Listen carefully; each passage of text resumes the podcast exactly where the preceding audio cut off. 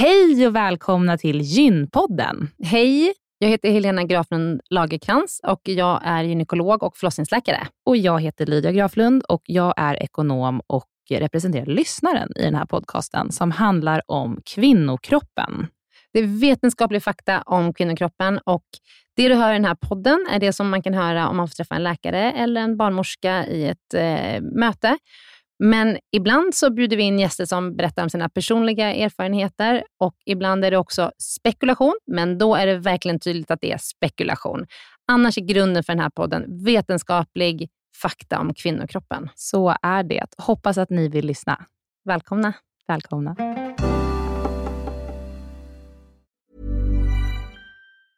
Everyone knows therapy is great for solving problems, but getting therapy has its own problems too, like finding the right therapist, fitting into their schedule, and of course, the cost. Well, BetterHelp can solve those problems. It's totally online and built around your schedule. It's surprisingly affordable too. Connect with a credentialed therapist by phone, video, or online chat, all from the comfort of your home. Visit betterhelp.com to learn more and save 10% on your first month. That's BetterHelp, H E L P. Den här veckans avsnitt av Gynpodden är sponsrad av Ester Care. Och Helena, det är ju det bolaget, vårdbolaget, som du och jag har varit med och startat, där vi erbjuder digitala vårdmöten med specialister inom kvinnovård. Precis.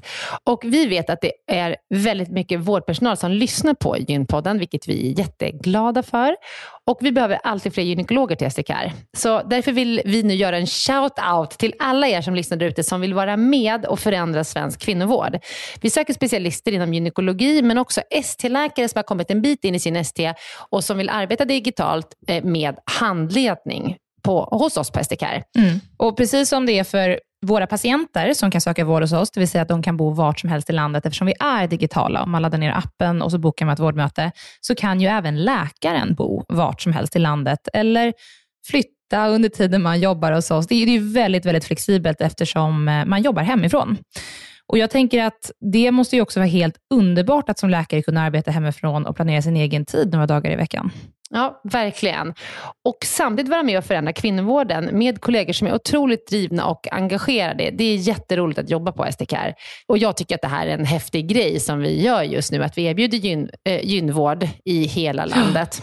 Och vilka är de vanligaste patientmötena du tar, Helena? Ja, men det är ju klimakteriet, eh, PMS, eh, mensbesvär. Och det är ju såklart Eh, ärenden och eh, diagnoser som går att hantera digitalt. Men vi remitterar också vidare när det behövs mm. Eh, och tar labbprover när det behövs mm. och så vidare. Mm. Så gå in på sdcare.com, klicka på jobba hos oss i menyn för att läsa mer och skicka in en ansökan. Tack så mycket. Tack och välkomna. Välkomna till dagens avsnitt av Gynpodden. Hej, hej, välkomna. Helena, vad ska vi prata om idag? Ja, idag ska vi prata om hederskultur och hedersnormer och vad det innebär mm. och hur det är att leva i en sån kultur, både här i Sverige och i andra delar av världen. Ja. I Sverige så lever enligt en statlig utredning från 2014 åtminstone 100 000 unga mellan 16 och 25 år under hedersförtryck. Eh, det är gamla siffror och den siffran tros tyvärr ha ökat markant sedan dess. Mörkertalet är ju stort. Um, och enligt en uppskattning av UNFPA så begås cirka 5 000 hedersrelaterade mord i världen varje år. Uppskattningsvis så visar att 39 000 flickor under 18 år gifts bort varje dag, att 700 miljoner av världens idag vuxna kvinnor giftes bort som barn, samt att mer än 200 miljoner kvinnor och flickor idag lever med konsekvenserna av att ha blivit könsstympade otroliga siffror. Mm. Alltså det är så stora siffror och det är svårt att ta till sig vad det betyder. Men mm. Eh, det, jag tycker alltid att det blir lättare, nu när vi ska presentera dagens gäst alldeles snart, att liksom Eh, som när vi pratade om könsstympning, så är det så här, okay, 200 miljoner kvinnor lever med konsekvens av könsstympning. Mm. Men vad innebär det? Liksom? Det är en sån siffra som bara så här, ha, det är en Men det var väl att det var 400 flickor i, i timmen, timmen som ja. könsstympades i världen? Ja, och också vad får det för konsekvenser? Det är mm. liksom, att sätta det i lite mera relation till till, alltså siffrorna i relation till vad det verkligen innebär. Det är mm, vad så det betyder viktigt. för flickan och kvinnan. Mm. Så. Vill du introducera vår gäst? Ja, det vill jag göra. Välkommen till Gympodden Elaf Ali. Jag säger Ali. Ali. Elaf Ali. Vi hade, Yes. fått, vi, hade, vi hade googlat upp att man uttalade Elaf och inte Elaf. Ja, men, Men- skitbra. Mm. Men eh, Ali hade Men jag efternamnet failade du på hela. Nej, men vet du, det, alltså egentligen så filar du inte. För att om jag ska vara ärlig så, eh, typ min pappa heter ju eh, Ali. Ehm, och, jag, och i vår ehm, eh, kultur så är det så att barnen får, alltså föräldrarnas, pappans förnamn blir barnens efternamn. Just det. Mm. Så det är därför jag heter liksom Ali i efternamn. Men jag uttalade Ali, pappa säger Ali. Så att det Okej. finns liksom inga rätt och fel, utan det är hur man själv föredrar. Så att det är bara att jag säger Elaf Ali. Liksom. Jag fattar. Lite kort innan du ska liksom ge mer introduktion. Vad känner du när vi pratar om de här siffrorna som vi pratade om i introduktionen? Ja, men alltså grejen av vad jag känner om jag ska vara ärlig är att, eh, att det är liksom det media pratar om, men det jag pratar om när jag föreläser och det jag skriver i min bok är inte det här, utan jag pratar om vardagsförtrycket. Det som inte blir rubriker, det som inte är könsstympning, det som inte är mord, utan det, Det som, som inte är det faktiskt... extrema på det här sättet som blir statistik. Liksom. Nej, exakt. Men det som de allra flesta känner igen sig i och Ja. de allra flesta i Sverige. Så att de siffrorna för mig är så här, ja alltså det händer och det är liksom super allvarligt. Men jag vill lägga fokus på just det som inte är siffror. Liksom. Mm. Och det vardagslivet för flickor och kvinnor.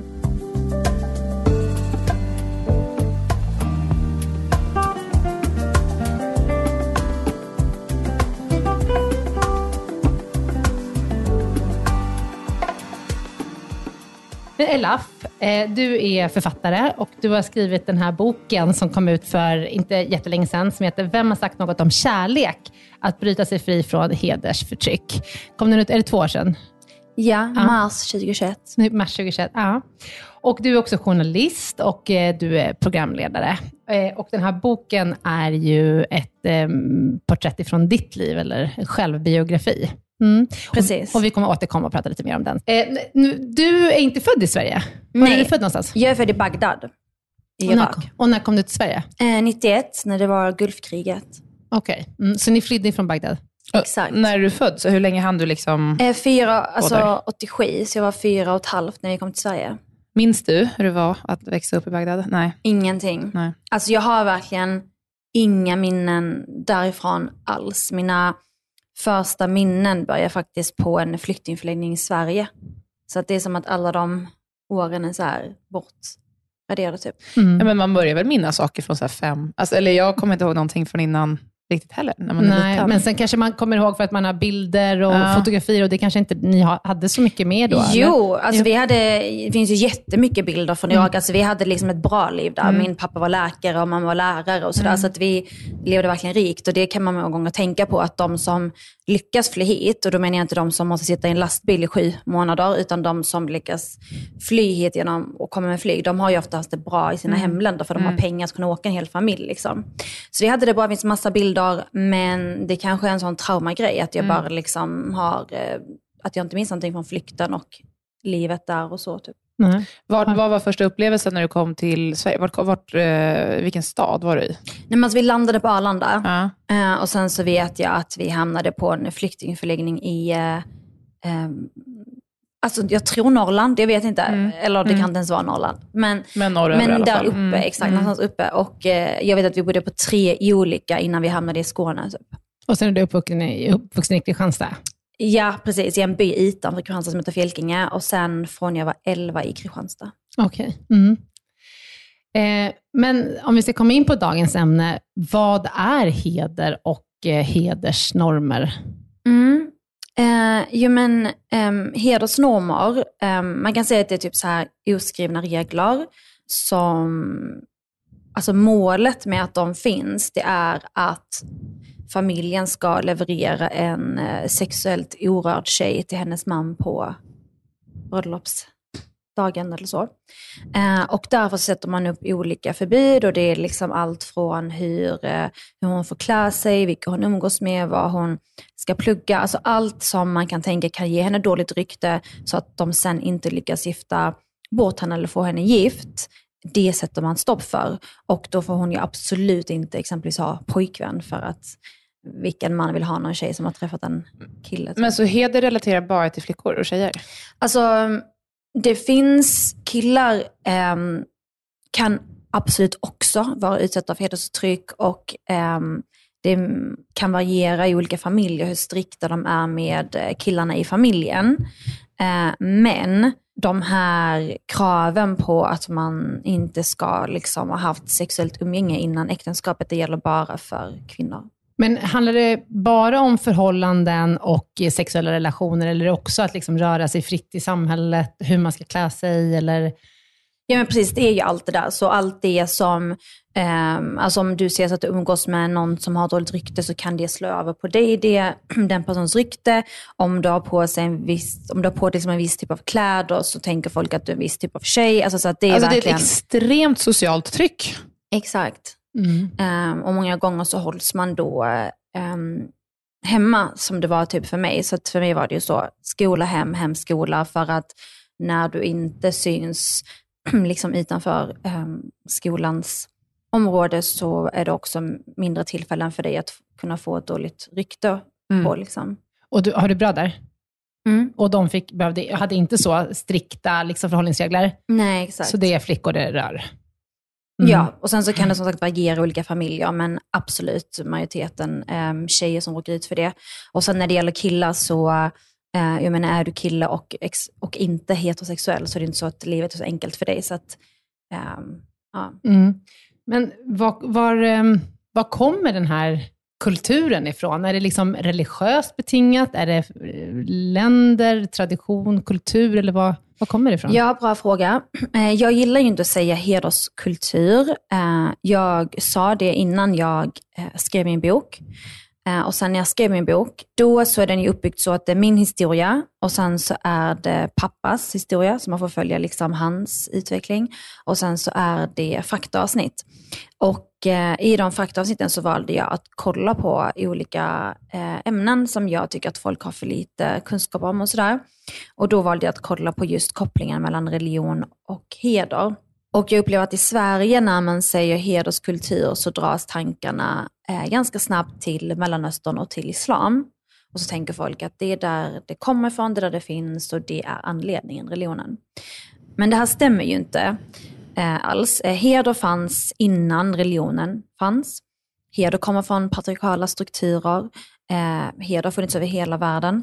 Idag så finns hedersförtryck eh, där, i samhällen där eh, staten inte har så, starkt, eh, så stark kontroll så att det fortfarande är liksom att familjerna eh, så lite styr själva. Och eh, hedersförtryck kan finnas utanför religion och inom religion. Mm. Jag kan tänka mig att det, blir, eh, att det kan få starkare fäste också där, om man inte har ett jämställt, alltså där kvinnan inte kanske skaffar ett eget arbete i samma utsträckning som en man, så man blir mer beroende av hennes också ekonomi och liv blir beroende av att bli bortgift till exempel. Att den, eller hur? Eller det känns som att i och med att det är det som är ändå slutmålet med att behålla heden, att en man ska gifta sig med henne. Ja, nej men precis. Och det är faktiskt en grupp som har hört av sig till mig efter min bok eh, släpptes, är faktiskt flera inom frikyrkan eh, i Sverige som har känt igen sig i det här att eh, de måste gifta sig tidigt, att de inte får bo sambo om de inte är gifta, att det måste vara någon från församlingen,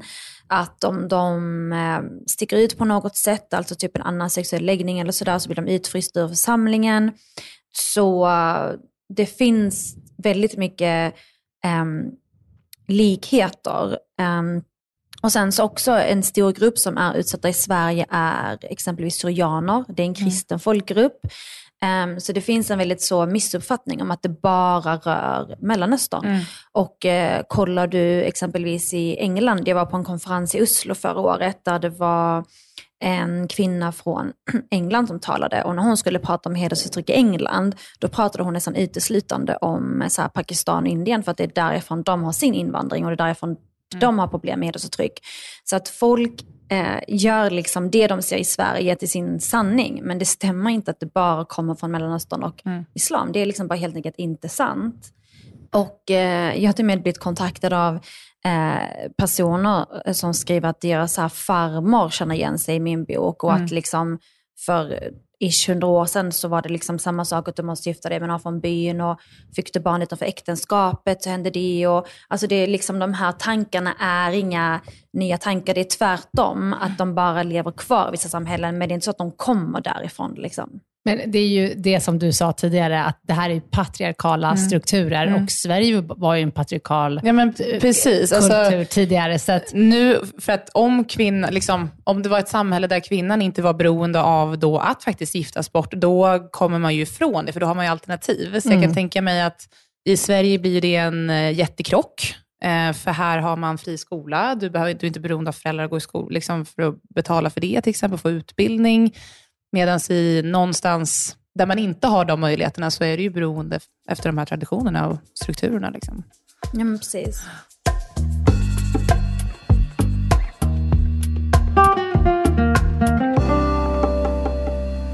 Men hur ser relationerna ut i en familj där man lever under den här normen? Alltså svårt att säga. Um, Enligt din erfarenhet då får vi säga, eller din uppfattning och vad du har hört och läst och sett. Liksom. Ja, men alltså grejen är typ, eh, exempelvis när jag är ute och föreläser, dels är jag ute på skolor och ibland så föreläser jag också för socialtjänsten och andra yrkesverksamma. Och då brukar jag säga till dem att om ni har haft liksom ett fall där ni har lyckats med en familj, så är det inte bara att ni kan så copy-pasta till nästa familj ni jobbar med, för att alla ser verkligen olika ut och um, i vissa familjer så är det mamman som styr, i andra är det pappan, i vissa finns det bröder som, som hjälper till, i andra skyddar bröderna. Alltså det finns liksom inte så här ser det ut. Det är verkligen jätteindividuellt. Och även hur man som utsatt väljer att handskas med det. Vissa rymmer hemifrån, vissa börjar så följa föräldrarnas regler för de ser ingen utväg. Um, vissa lever dubbelliv. Så att det kan liksom variera väldigt mycket. Mm. Men hur ser det ut i Sverige idag med de här frågorna? Ja, men jag tänkte på statistiken som ni nämnde i början med 100 000 och ganska snabbt efter den statistiken kom så var det en docent som heter Astrid Schlytter som sa att den riktiga siffran är närmare 240 000. Och det här var ju innan ehm, vi fick in en stor liksom, migration från Syrien 2015. När jag var ute och föreläste förra året så var jag väldigt mycket på Eh, skolor och områden som hade fått en stor invandring från eh, Syrien. Så att jag vet att den siffran är liksom ännu större idag. Och till skillnad från när jag växte upp så har ju nu den, det förtrycket också tagit, alltså, finns också nu på nätet där eh, de här tjejerna inte tillåts ha konton på sociala medier och där de måste alltid vara väldigt privata, de kan inte ha sina egna namn. Och, um, jag blev exempelvis kontaktad av um, Ecpat som jobbar med att få bort barnpornografi på nätet, som hörde av sig och sa att flera tjejer har kontaktat dem, där de har då haft eh, pojkvänner i smyg, pojkvänner har tagit bilder på dem och när det tagit slut så har pojkvännerna hotat dem att sprida de här bilderna till deras familjer. Och då sa de till mig att det är bilder som absolut inte är barnpornografi. Eh, och så sa de, liksom är det något som vi ska hjälpa dem med? Typ så och, eh, och då sa jag till dem, det spelar liksom ingen roll att det inte är supernaket. För dem, om det är bikini eller något annat, så är det liksom i samma klass. Typ. Så att det är absolut livsfara för många om sådana bilder sprids på dem. Eh, så att man kan säga liksom att förtrycket har tagit nya former eh, i och med den liksom, tekniska utvecklingen. Och jag menar, jag blir kontaktad dagligen på olika sociala medier där folk eh, skriver till mig att när de har läst min bok så Alltså det är en tjej som hörde av sig som var 14 och sa att hon inte ens fattade att hon var förtryckt förrän hon läste min bok. För att hon har eh, läst lite, precis det som ni pratade om i början. Hon bara, men jag är inte könsstympad, jag har inte varit för det. Så, hon, så man tänker inte att man är förtryckt. Det var en tjej som skrev till mig att efter hon läste min bok så fick hon modet att berätta till sin pappa om sin pojkvän som hon hållit, hållit hemlig i åtta år och han hade tagit det bra till hennes förvåning. Eh, så att jag får liksom så många historier dagligen och det är så himla häftigt att kunna skriva en bok som får folk att liksom börja sin resa ifrån förtrycket. Liksom. Mm. Mm. Bara det att, att, de först, att öppna upp ögonen, att, först, att de ska förstå att de är förtryckta. Absolut. Det är därför jag blir så glad när det blir läst i skolan, för att då mm. får det nå dem i så ung ålder. Hur tar man sig ur det då? Alltså, vad, vad kan de flickorna göra när de inser det här?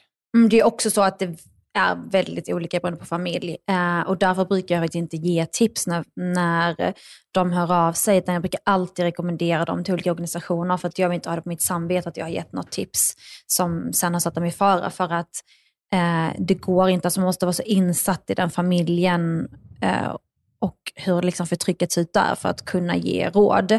Så ibland kan det bästa vara att bara rymma. Ibland eh, är det något annat. Så det, det, är liksom jättesvårt att säga faktiskt. Men du, du sa bara lite så i förbifarten tidigare, det här med att eh, de digitala liksom, plattformarna har gjort att det har blivit ytterligare en hotbild mot de här tjejerna. Du sa att det är, att det är direkt förenat med livsfara. Men i hur stor utsträckning är det liksom på riktigt fara för tjejernas hälsa, liksom, eller liv ska man väl säga, i de, i de här liksom, strukturerna? Vi, man hör ju då och då om mord, men man tänker att det liksom är väl otroligt sällan som det går så långt.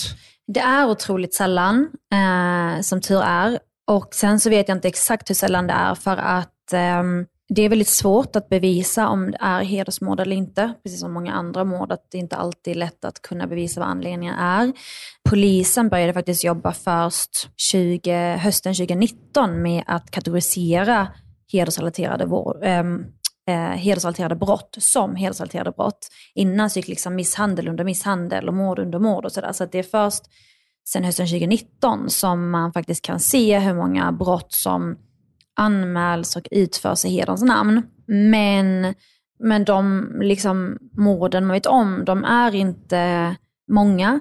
Eh, men det som jag, liksom, som jag tycker är också väldigt, väldigt allvarligt är ju att det är ju flera unga personer, jag tror det var 80 senaste året, om inte fler, det var nog fler, det var ju 160 kan till och med, som tas liksom ut ur Sverige mot deras vilja och skickas till hemlandet. Eh, och vad som händer med dem där vet man inte, för de försvinner ur det svenska systemet och det är ingen som försöker få hem dem riktigt. Eh, så att vi har kanske siffror på mord i Sverige, men vi vet inte vad som händer utanför våra gränser. Och på tal om mord så vill jag bara säga, för att ibland när jag pratar om då liksom heder och religion och frikyrka och sådär, så är det vissa som säger, ah, men hur många hedersmord har du hört talas om inom frikyrkan? Uh, och jag träffade en väldigt fin präst i Jönköping och pratade om det här och då sa hon till mig, eh, nej Elafi kanske inte har uh, hedersmord i frikyrkan, men vi har självmord.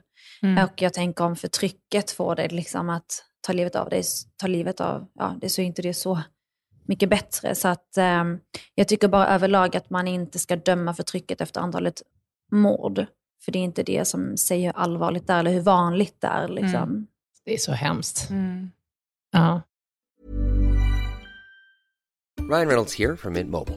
With the price of just about everything going up during inflation, we thought we'd bring our prices down. So to help us, we brought in a reverse auctioneer, which is apparently a thing. Mint Mobile unlimited premium wireless. Ready to get 30, 30, bit to get 30, bit to get 20, 20, 20, bit to get 20, 20, bit to get 15, 15, 15, 15 just 15 bucks a month. So, Give it a try at mintmobile.com/switch. slash $45 up front for 3 months plus taxes and fees. Promo rate for new customers for limited time. Unlimited more than 40 gigabytes per month slows. Full terms at mintmobile.com. Life is full of awesome what ifs and some not so much, like unexpected medical costs. That's why United Healthcare provides Health Protector Guard fixed indemnity insurance plans to supplement your primary plan and help manage out of pocket costs. Learn more at uh1.com. Veckans avsnitt av Gynpodden är sponsrat av mittpreventivmedel.se som är en informationssida från Bayer. Mm. Jättebra informationssida. Eh, den, den är full av information och material för att du på bästa sätt ska kunna välja vilken preventivmedelsmetod som passar dig allra, allra bäst. Mm. Och Det vi tänkte prata om idag det är att det finns något som heter samtalsguide mm.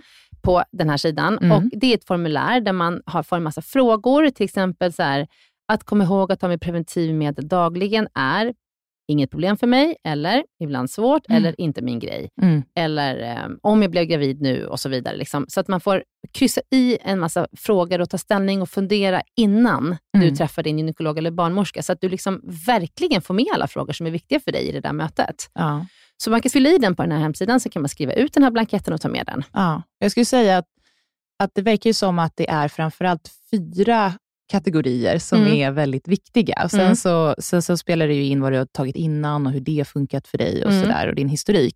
Men det verkar ju som att det handlar mycket om hur liksom ordningsam man är, eller hur strukturerad man är, att kunna ta någonting dagligen. Mm. Eh, hur viktigt det är att man inte blir gravid. Mm. Eh, användning av hormonella preventivmedel eh, och om man vill påverka sin menstruation på något sätt. Mm. Så det verkar som att det är de fyra kategorierna som man, man bör fundera på innan Mm. man väljer ett preventivmedel. Man får bra guidning i hur man ska svara på de här, eh, med olika kategorier och olika svar. Och Sen så tar man med sig det till sitt möte med barnmorska och gynekolog och då är man väl förberedd. Mm. Och Jag lovar er att om ni gör det här innan ni går eh, till en barnmorska eller gynekolog, då kommer ni få mycket bättre hjälp. För att det här är liksom ingenting som bara finns i en, utan man måste liksom fundera lite på Ja. så här, vad är viktigt för mig. Vill jag ha mens eller inte? Ja. Och så vidare. Så att, gå in på mittpreventivmedel.se och titta runt där och gör den här eh, ja, samtals, samtalsguiden. ja, samtalsguiden. Tack Bayer för att ni har utvecklat denna braiga sida om Ja. preventivmedel. Den är otroligt bra. Mm. Tack så jättemycket. Tack. Vill du berätta lite om din uppväxt och dina familjerelationer och hur det var när du växte upp? Ja, men i stora drag. Eh, man kan ju som sagt läsa min bok Vem har sagt något om kärlek och den utspelar sig över tre decennier. Så den är verkligen så från vi kom till eh, Sverige och även flykten till Sverige och sen så ända tills nu för två år sedan den släpptes. Men i stora drag så växte jag upp i norra Skåne eh, med det här förtrycket. tog många år för mig att förstå vad det var. Det var inte förrän eh, Fadime gick bort eh, och jag läste hennes tal som hon höll i riksdagen två månader innan hennes eh, bortgång, eh, som jag kände igen mig jättemycket i hennes tal och förstod att jag eh, var med om samma sak. Och eh, det var mycket blandade känslor eh, och sen så efter det började jag liksom min lilla frigörelseprocess. Och det var såklart eh, mycket tankar om jag skulle gå tillväga och förhållningssätt och sådär. Och eh, jag har ju två yngre eh, systrar, så för mig så var det inget alternativ att bara dra för att jag vill inte lämna dem kvar i förtrycket. Så att jag, min strategi blev att försöka förändra min eh, pappa. För att jag ville om det gick kunna behålla honom och behålla oss som familj. Och nu i efterhand, när den planen liksom gick så är det inte så att den är liksom smärtfri eller konsekvensfri. För att jag var ändå kvar i förtrycket väldigt länge. Så att det är ju flera plan som jag såklart har drabbats på och olika saker jag har svårigheter med idag. För att man kan ju inte så sudda bort hela ens uppväxt bara för att man har tagit sig ur, tagit sig ur ett förtryck. Men du fick med dig din pappa och Mm. det via, tillsammans med honom som ni tog er ur det här. Den, den, det förtrycket du levde under. Eller jag, alltså jag tog mig ur det på egen hand, men jobbade liksom med att förändra honom på vägen. Mm. Så idag är han ju en helt annan människa. Liksom. Mm. Det måste ju innebära att man, menar, att man, man byter kultur, eller man byter liksom hur man, ja men helt så fundamentalt kanske det han har vuxit upp i också, och så ska man ändra om helt hur man tänker kring saker och ting. Och det är ju det utveckling också är mycket. Alltså, Ja, I precis. allt så är det ju att eh, ändra synsätt och perspektiv. Ja, men han har verkligen Mm. fått helt andra värderingar. Och jag tror att det var det som gick, som gjorde att det gick att förändra honom, var just att hans värderingar byggde liksom på tradition och han själv vuxit upp och liksom landet han växte upp i och sådär. Eh, medan det som jag eh, upplever är svårare, det är när förtrycket är mer eh, grundat i religionen. Eh, för då blir det mer så här Guds ord. Och det är mycket svårare att förändra någon som tror på det. Liksom. Mm. mm. Och jag tänker också att eh, föräldrar till barn som lever i hedersfamiljer gör ju inte det här för att vara elaka. Utan det är ju, man gör ju det för att det är det man tror på är Mm. det rätta. Det är likadant som vi pratade när vi poddade om könsstympning, Mm. att det är ju oftast mammorna som liksom driver igenom könsstympningen i liksom de... För att det passar i den kulturen de lever i. Ja, och det gör de ju inte för att de vill förstöra livet för sina barn.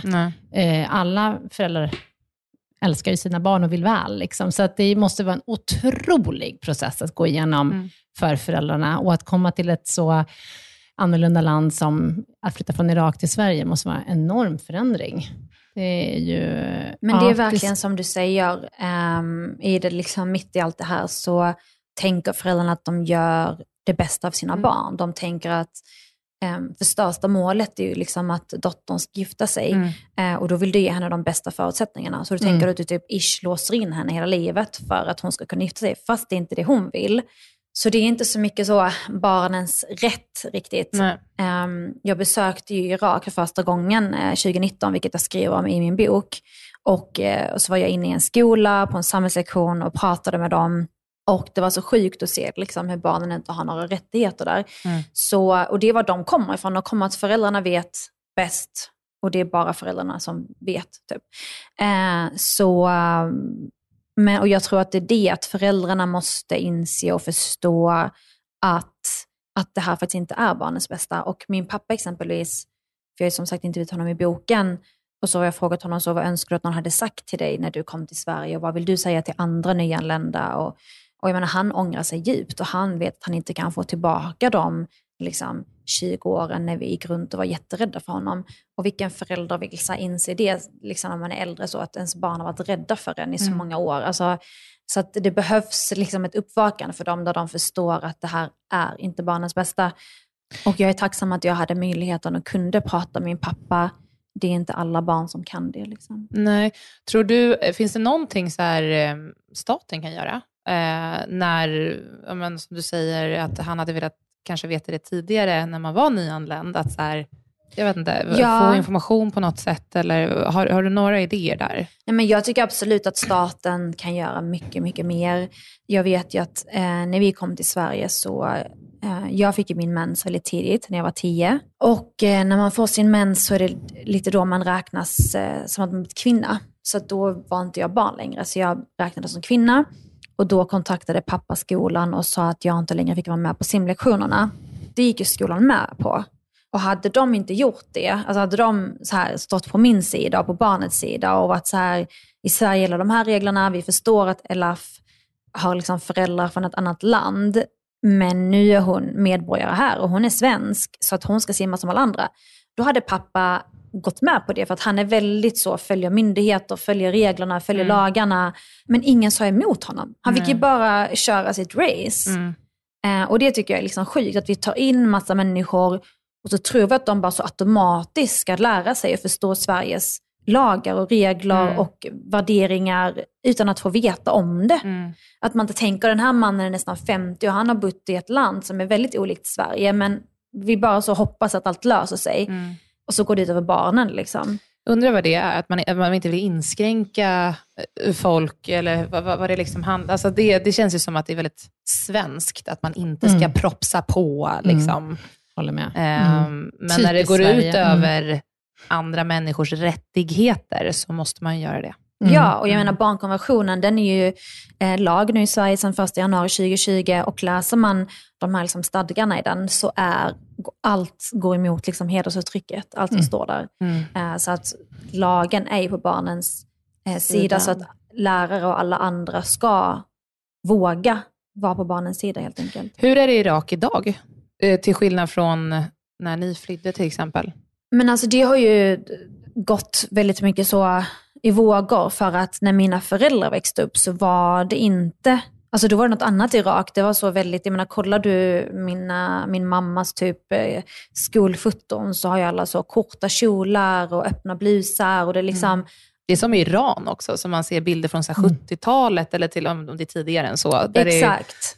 Och pappa Ja. säger liksom att eh, ens grannar kunde vara så här kristna, muslimer från en annan bakgrund, ateister, de hade ingen koll. Alla var bara tillsammans. Och sen så kommer det nya ledare och så ändras det och sådär. Så att det liksom har hänt väldigt så mycket. När jag var där 2019 så, alltså det som är skönt är att Irak är inte som Iran. Det finns inga slykrav, det finns inga så, eh, jag menar jag, när jag var i gallerier så hängde ju tjejer och killar tillsammans och åt i foodcourten och eh, på gatan kunde du se både beslöjade och icke beslöjade. Alltså det var ändå, jag gick runt liksom i mina vanliga svenska kläder, eller vad man säger, i t-shirt och lite sådär. Så att eh, Eh, jag kan inte utmana det ödet och hade urringat, men det har jag inte hemma heller. Och jag gick inte runt i kort kort, men det gillar jag inte att bära jätteofta heller här. Men, men ehm, Så att det, det, men det är lite svårt för mig att säga, men det är också, det är också något annat där. För att alltså det är lite så från familj till familj. I vissa familjer som typ min släkt som är väldigt så akademisk, där firar man ändå att när tjejer liksom tar examen och pluggar och så. Men sen har du andra familjer där man bara vill eh, gifta bort tjejen så fort hon fyller 14 typ. Så det eh, varierar ganska mycket där också. Jag fick se båda delarna. När jag är, är det en utbildningsfråga, skulle du säga? Men, jag, men jag, alltså så här, ju rikare en familj är, så behöver man inte vara lika strikt för att då kan du ta hand om din dotter ekonomiskt. Är du liksom en fattigare familj så behöver du ta in sports för att, för att det ekonomiska ansvaret läggs ju på hennes man och hans familj sen. Just det. Mm. Så att det är lite man har inblandat. Inte samma, har man inte samma utbildningsmöjligheter, kvinna som man? Eller? Så att det är så att man som kvinna kan... Alltså det är inte, du har samma utbildningsmöjligheter, mm. eh, så det har man. Men däremot kan det vara så att när du gifter dig så kan din man kräva att du ska sitta och plugga. Mm. Mm. Men hur tycker du att utvecklingen har varit i Sverige? Då? Du berättade att då för, när du var tio år så sa skolan att det var okej att du slutade gå på simträningen. Eh, hur är det nu? Eh, ja, men när jag varit ute och föreläst så har jag tyvärr fått höra att det fortfarande pågår liknande. Vissa skolor erbjuder då eh, privatlektioner för de här tjejerna som inte var med och simma och sådär. Men eh, förbuden finns fortfarande av föräldrarna. Och skolorna går med på det i en del fall då? Ja, precis. Och de frågar mig, så hur ska vi göra? Och jag säger såklart att det är bättre att de får lära sig simma än inte alls. Att, att de ja. får egna lektioner är ju bättre. Men jag kan fortfarande inte simma idag exempelvis.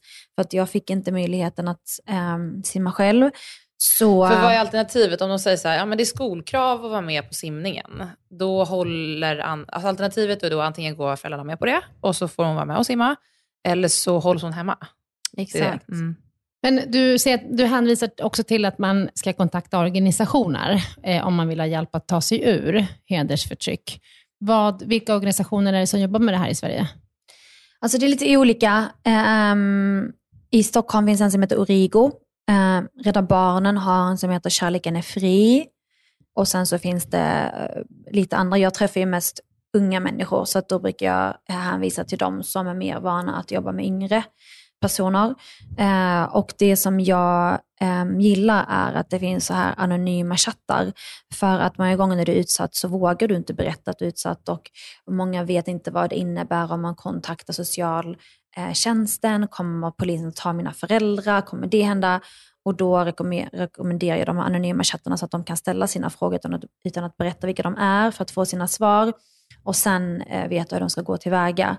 Så det tycker jag är liksom ett bra första steg. Mm.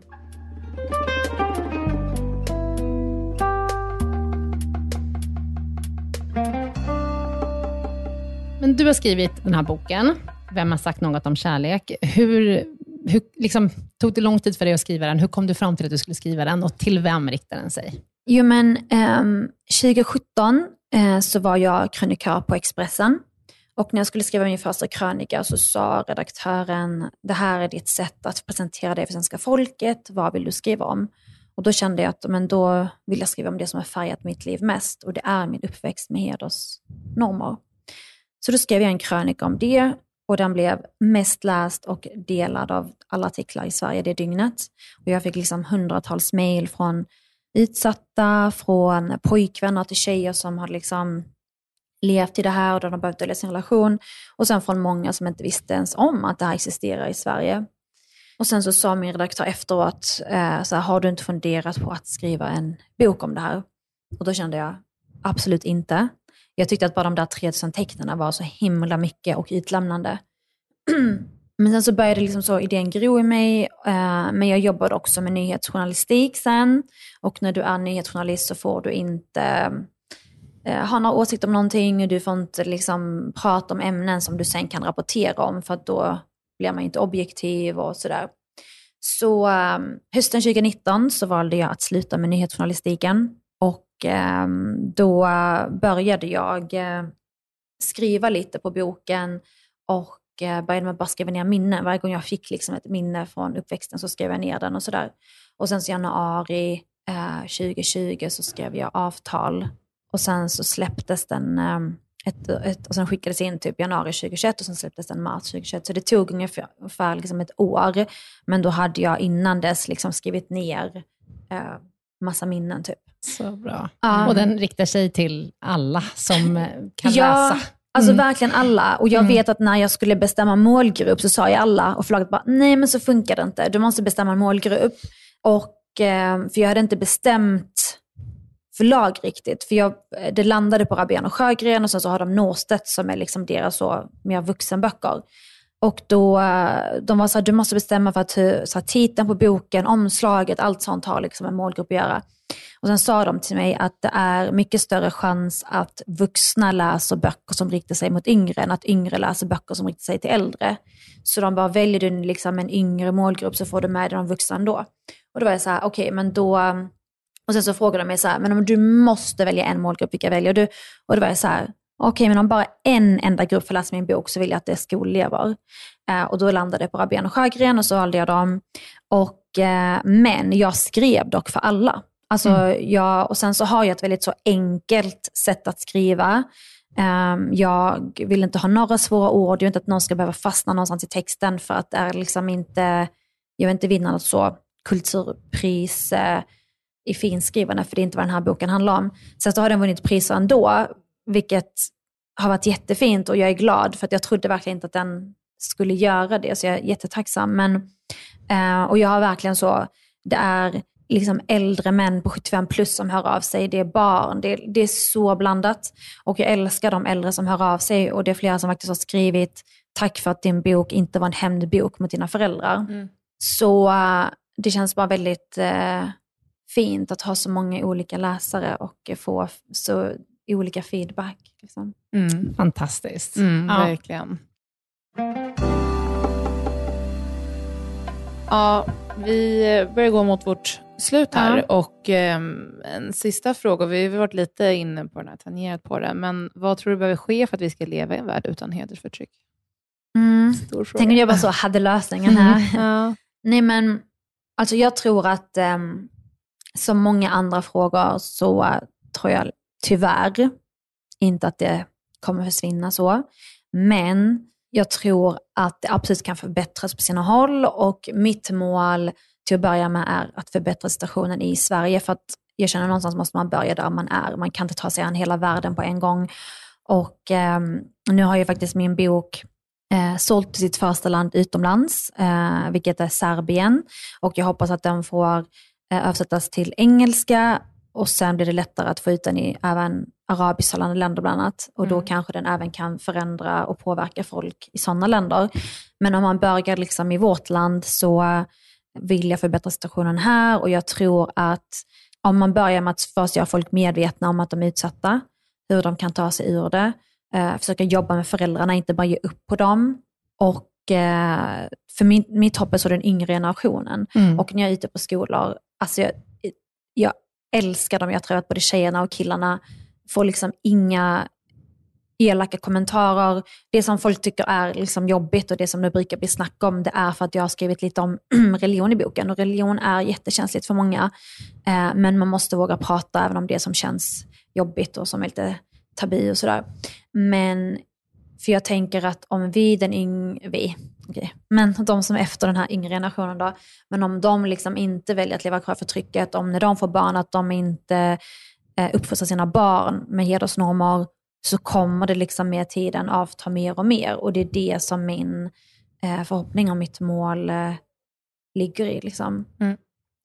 Fantastiskt. Tusen tack, Elaf Ali, för att du kom hit och gästade Gympodden. Mm. Så intressant att lyssna Mm. på Tack och så eh, vilken otrolig insats du gör. Mm. Mm, Ja. Tack. Och jag eh, har Ni ju- också. Ja, tack. Jag har sagt inte läst hela boken än, men jag ser fram emot det. det Jag ser fram emot att få ja. den efter dig. Ja. Den finns som ljudbok också om man vill Ah. lyssna på den. Så Yes. att det var man föredrar. ja, jättebra. Tusen, tusen Ja, tack. tusen tack. Tack så Och, jättemycket eh, själva. Sköt om dig. Detsamma. Hej Hej då.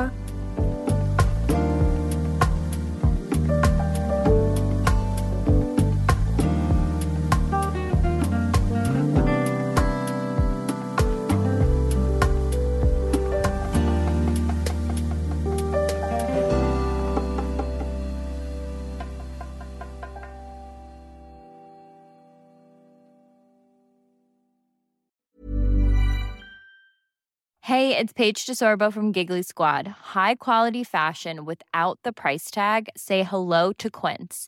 I'm snagging high-end essentials like cozy cashmere sweaters, sleek leather jackets, fine jewelry, and so much more. With Quince being 50 to 80% less than similar brands. And they partner with factories that prioritize safe, ethical, and responsible manufacturing. I love that. Luxury quality within reach. Go to quince.com slash style to get free shipping and 365 day returns on your next order. Quince.com slash style.